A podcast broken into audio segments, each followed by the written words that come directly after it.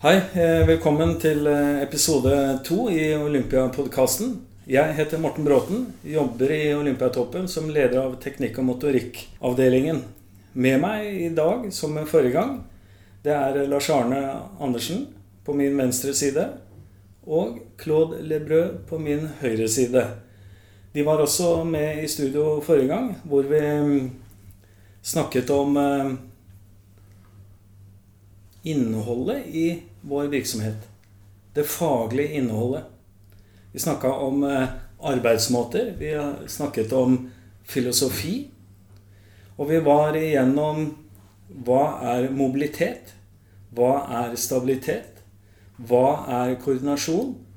Og hva er kognisjon i vårt arbeid? Så i dag eh, skal vi jo gå videre på det litt mer spesifikke. Vil si, vi skal eh, innom eh, håndball og eh, svømming og høre hvordan du, Claude, jobber med håndball, og hvilke prosesser du kjører i forhold til håndball når det gjelder teknikk og motorikk. Så vær, vær så god. Ja, takk. Jeg har jobbet i ti år nå med håndball. så det er en uh, veldig interessant uh, prosess og et veldig, veldig bra samarbeid. I utgangspunktet er det en bestilling. Det er en samtale mellom en, en landslagstrener, eller landslagstrenerteamet, Torir, Mia og Mats, og en spiller. Og det er den samtalen som danner utgangspunkt for hva vi skal bidra med. Teknikk, motorikk. Så det handler om å få fram gjennom det samtalet, det handler om å få fram utviklingsområdene som hver spiller skal jobbe med. Så det er, det er et godt utgangspunkt. Så det er ikke alle som har en så presis bestilling, men vi liker det. Og vi prøver å utfordre bestillingen videre. Men det er et godt arbeids, arbeidsverktøy uh, som vi deler, som binder uh, OLT-fagpersoner, et klubbmiljø med en spiller og landslagsmiljø. Og her er vi alle enige om hva vi skal gjøre med den spilleren. Og hva den spilleren skal jobbe med. I hvert fall når det gjelder teknikk, motorikk og fysisk. Kan du være litt konkret på hva det kan være? Ja, så utviklingsskjema går gjennom uh, teknisk, taktisk, uh, fysisk og hva de skal jobbe, hvordan og med hvem de skal jobbe med. Så det, det, vi kommer konkret til en ukeplan. Uh, hva de skal gjøre på mandag, tirsdag, onsdag, torsdag for å bli bedre på banen. Og det handler f.eks. Om å utvikle en spisskompetanse som en finte, eller å bli bedre på skudd, variasjon, og utvide den, den skuddrepertoar. Det er to eksempler som, som, vi jobber med. Ja. Eh, når det gjelder Du nevnte en rekke personer i, i, i et prosjekt rundt en utøver. Det handler om tverrfaglighet. Kan du si litt om hvordan dere jobber tverrfaglig? Ja, det er tverrfaglig uh, samarbeid. Uh, det er ganske mange personer, og fagpersoner som er involvert. Og det er viktig at det, er en, kommunikasjon gjennom alle disse personene. Møtevirksomhet. Men det er viktig, den viktigste er uh, spilleren som eier prosjektet. Og det er spill, spilleren som skal bestemme seg eh, på hva han skal hun skal bli bedre på, og hvordan. Og planlegge det i det daglige. I, det daglige. Mm. Eh, når du er i jeg, vet, jeg, har jo sett hvordan du jobber. Eh, når du er i salen med, i et, i, med en utøver, og sammen med en kollega fra Kraft Styrke hvordan er arbeidsoppgavene fordelt eh, da mellom dere når dere har en trening med utøver? Som uh, Tore sier, til slutt det, det handler om å bli bedre på banen. På trening det handler også om det. Vi har et felles prosjekt Vi jobber mot en bevegelse. Vi jobber mot en teknikk. Og det handler om å skape gode forutsetninger og gode bevegelsesstrategier på den bevegelsen, den teknikken. Men også å skape, å skape uh, masse fart, masse kraft. Så det, vi er sammen med Benjamin Jensen som fra Styrke kraftavdeling for å, å utvikle den, den bevegelsen. Både fra, sett fra strategi bevegelsesstrategi, men også sett fra en litt mer kraft, styrke perspektiv. Hvor, hvor, viktig er i treningsøktene når du jobber med teknikk og motorikk? Hva, hva, tenk, hvilke tanker har du rundt det, Claude?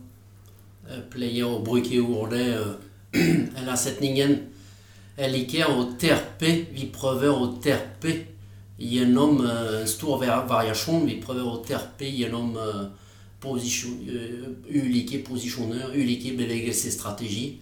Vi, vi, prøver ikke å terpe en teknikk, å terpe en bevegelse og terpe en øvelse. Men det er gjennom variasjon mm. som vi prøver å skape en motorisk plattform. Og det handler om å tilpasse seg til ballen, tilpasse seg til motstander, tilpasse seg til uh, de andre spillerne i laget. Så det er, det er uh, mange ytre betingelser som uh, vi må jobbe med i treninga også. Ja. Og det handler ikke bare om å terpe forutsetninger, men disse forutsetningene skal komme i en, i, på banen i en, i, i en bevegelsesstrategi. Du har for så vidt sagt noe om det. Overføringer, transfer. Når dere har en utøver ute i hallen her, Olympiahallen, og de skal bringe med seg de motoriske ferdighetene ut på banen, på håndballbanen hva er, det, hva er det mest viktige, sånn som du ser, at uh, i den overføringa der For å greie det, hva, hva, må til, egentlig? Spilleren må forstå. Spilleren må forstå hensikten med hver øvelse og hvor den øvelsen skal komme i det tekniske bildet. Hvorfor han gjør det. Eh, for å kunne endre den teknikken på banen, eller å tilpasse seg på banen. Jeg tror den, den er veldig viktig. Den eh, forståelse for å zoome inn og ut av eh, den øvelsen, den, den er den viktigste. Så vi, uh, vi stiller spørsmål, vi prøver å utfordre og, og, og, og høre at uh, spilleren klarer å sette ord på ting. Ja. Uh, sette ord på hva han skal utvikle seg, og hvordan han gjør det, og hva er hensikten med, med den øvelsen. Ja. Og så hva som er viktig at det kommer eh, i det daglige. Det er ikke bare en økt, men det skal komme uh, hver dag. Og få forståelse at hver øvelse, hver trening skal utvikle mannen. Er det sånn at um, dere må snakke det samme, sånn som du og Benjamin, da, må snakke det samme språk som håndballtrenerne? Ja, det tror jeg. Ja. At det er viktig ja, ja. i overføringsarbeidet? Ja. Ja. Det er de som bestiller, det er de som kan, og vi må komme på uh, det spesifikke språket. setter, det, ja. setter det krav til dere? Deg og Benjamin, f.eks.? Ja. ja, absolutt. Ja, ja. Det er de som bestemmer, uh, som bestiller, som bestemmer, og som uh, gir tilbakemelding om, om prosessen, men også som bekrefter at det er utviklingen eller ikke. Er du klare på, på det? Hvis det er ingen utvikling, da må vi gjøre noe annet. Det vil si at dere må, dere må kunne litt om håndball og det som skjer på banen? Og ja. Det må vi, ja. Mm. Sette dere inn i hva de holder på med? Ja, å kjenne de nyansene og, og kjenne hva er kravet, hva ja. gulvet hva hva skjer på gulvet? Ja? ja. De litt på gulvet. ja. Det er mulig vi kommer tilbake til, eh, til det med håndball igjen. Eh, vi mm, hører litt på deg, Lars Arne, i forhold til din tilnærming, approach, til svømming. Mm. Hvordan du jobber med motorikk og teknikk for svømmere. Ja. ja jeg, en av idrettene som jeg følger opp en del, er jo svømming. Og det er jo drøye ti-tolv år siden jeg begynte med å følge opp svømming. Og det har jo vært en veldig utvikling både i hvem man jobber med, og hva en legger i treninga. Eh, litt sånn historisk tilbakeblikk på hvordan vi jobber med svømming. Når jeg begynte, så ble jeg egentlig hyra inn fordi jeg har turnbakgrunn. Og det var en trener som var interessert i å ha litt turntrening for sin svømmer. Eh, og det var jo for så vidt veldig spennende. Da visste jeg mye om turn og litt om svømming. Eh, og, men det var en interessant start, da, for det viser at eh, det fins mange ting jeg kan gjøre motorisk utenfor de rammene som jeg kanskje er vant til. Nå, i dag, så handler det mye om bestilling, som Claude var inne på på håndball. Og for at jeg skal jobbe med en svømmer, så må det først og fremst være et behov. Og jeg tror det er viktig at det, svømmeren gjør grunnjobben med altså, Du må trene systematisk. Du må ha gjort forarbeidet før Olympiatoppen skal inn og, og eventuelt bidra i en optimalisering. Um, og det tar meg i vare ved at vi har en tett dialog med trenerapparatet. Vi har en coach i Olympiatoppen som òg følger opp svømming.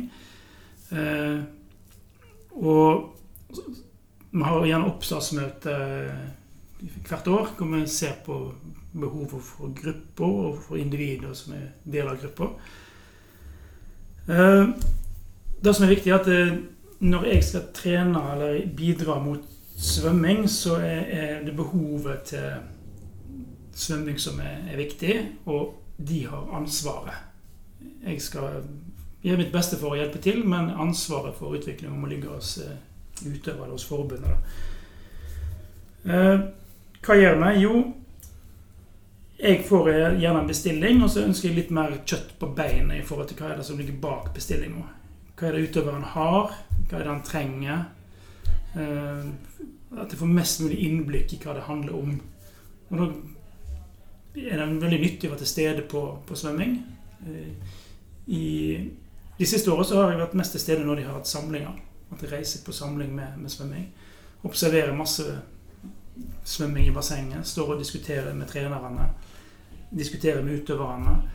Eh, flere fag for Olympiatoppen er samtidig representert. Eh, jobber nå spesielt tett med kraftstyrke. Sindre Matsgaard er den som har styrke for svømming. Um, så det er mye Begrepet kommunikasjon passer jo veldig fint her. At en uh, har en god relasjon og, og, kommuniserer godt omkring det en ønsker å, å påvirke. Litt forenkla så prøver jeg å finne ut ja, hva er det de trenger å gjøre med kroppen sin for å svømme raskt i bassenget fra A til B. Det handler om hvor hen skal kreftene gå, når skal de settes inn.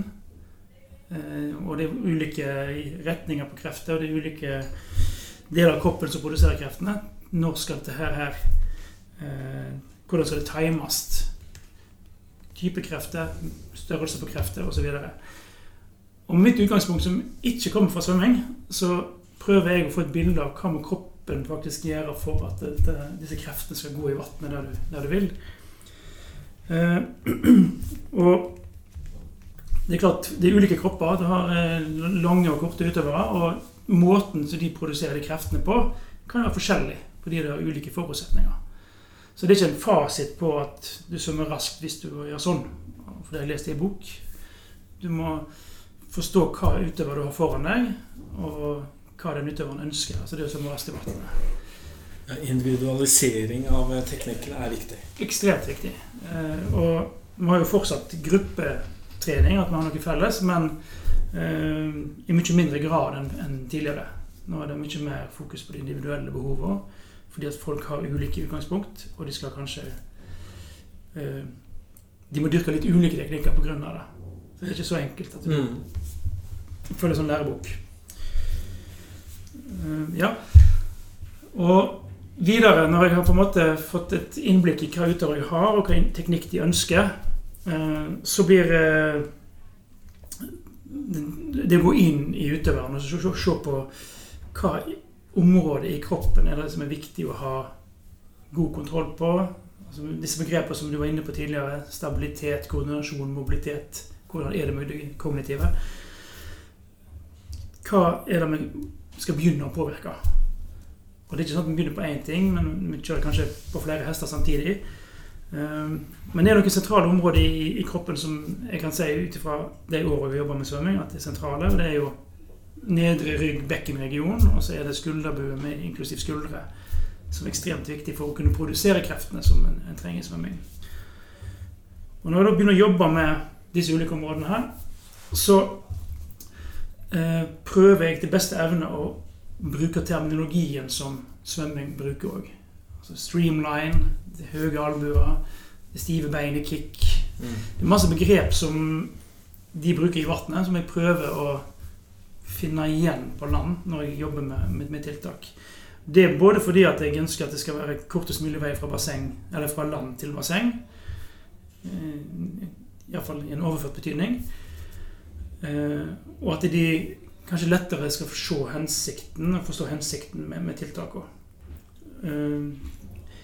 Jeg tror det er utrolig viktig, som Claude var inne på, at eh, utøverne må forstå hensikt. De må se verdien av å gjøre ting på land for å bli bedre i, i, i vann. Det, det, det er kanskje noe av det som er mest spennende med jobben. eh, er å få prøve å hjelpe til å skape en sånn forståelse.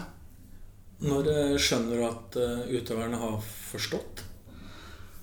Ja, vi må jo snakke underveis. Ja. Eh, Du får gjerne tilbakemelding på at de har fått en det kan være en liten aha-opplevelse. At nå kjenner jeg faktisk at det skjer ting i, i vann når jeg tenker eller jobber med den kvaliteten som jeg har jobbende med på land. Det kan være posisjonering av et skulderblad eller et eller annet som de kan få tak i i vannet. Gjerne i en drill, f.eks. Eh, på veien mot komplett teknikk. Da, når jeg får sånne tilbakemeldinger at nå s- ser de den røde tråden utvikle seg, Ja. da, da merker en at en er på, på rett vei. Men det, det er et stort lerret å bleke. Kan man si at eh, da har hun begynt å evaluere sin egen prosess? Er Ja, det som skjer? Ja, evaluering, refleksjon eh, over det som de jobber med.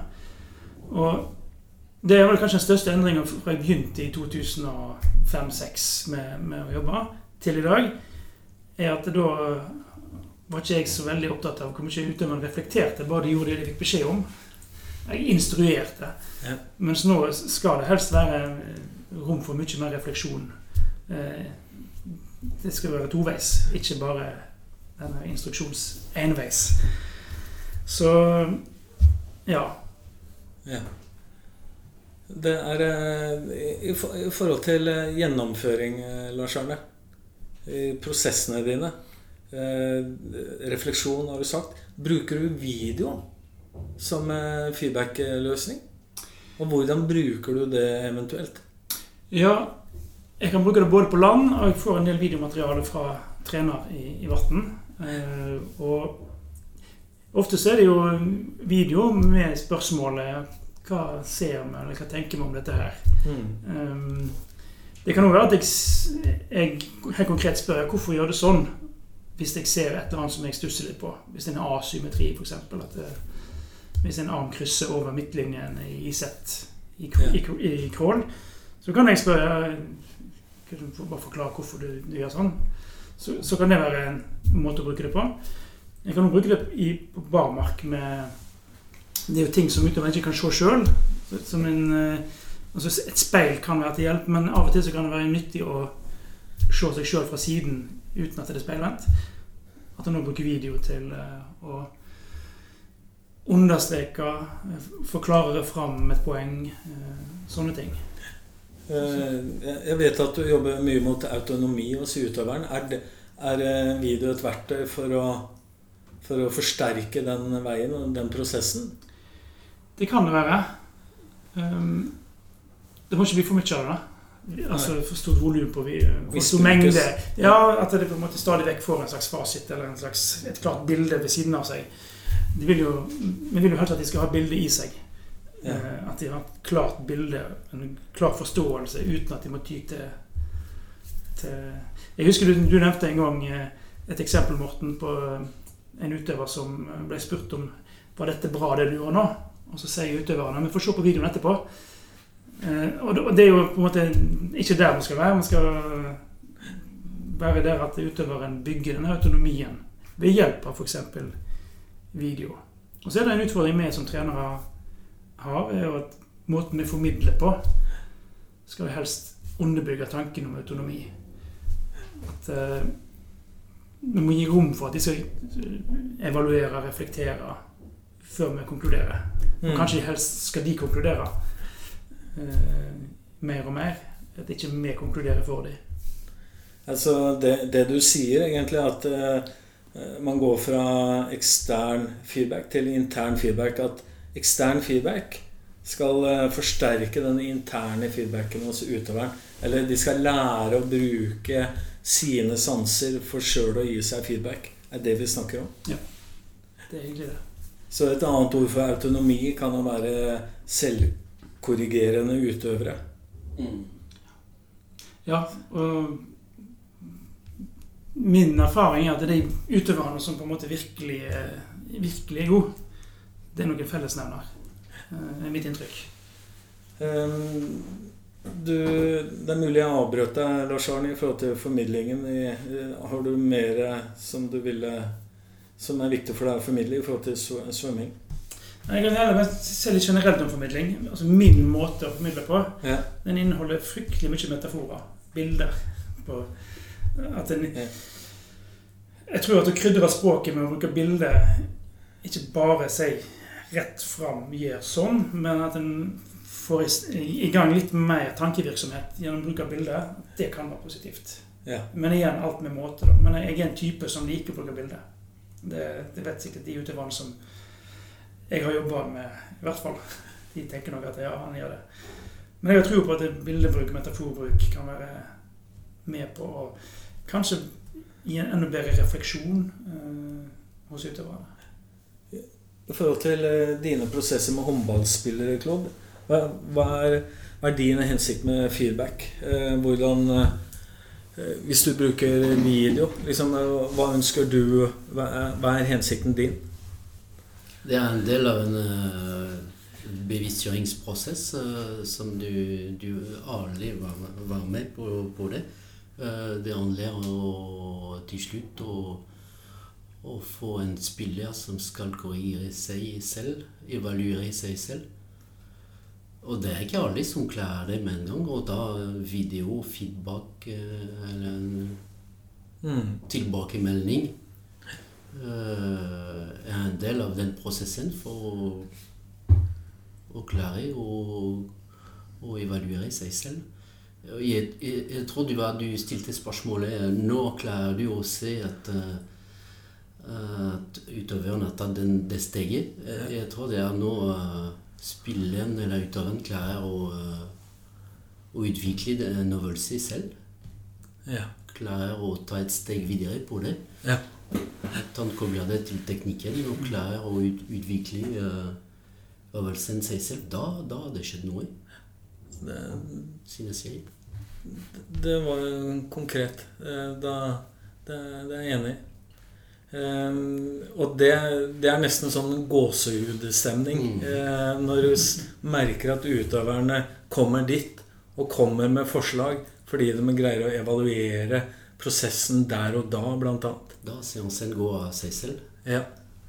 Og det, det er en del av hensikten i prosessene. Mm. Um, Jeg syns det er interessant å høre uh, hvordan uh, uh, approachen deres er i, i forhold til eh, håndball og svømming. Eh, Og det jeg skjønner fra begge, er at det er en åpen tilnærming. En open approach. Det vil si, man har et menneske foran seg. Hva trenger det mennesket?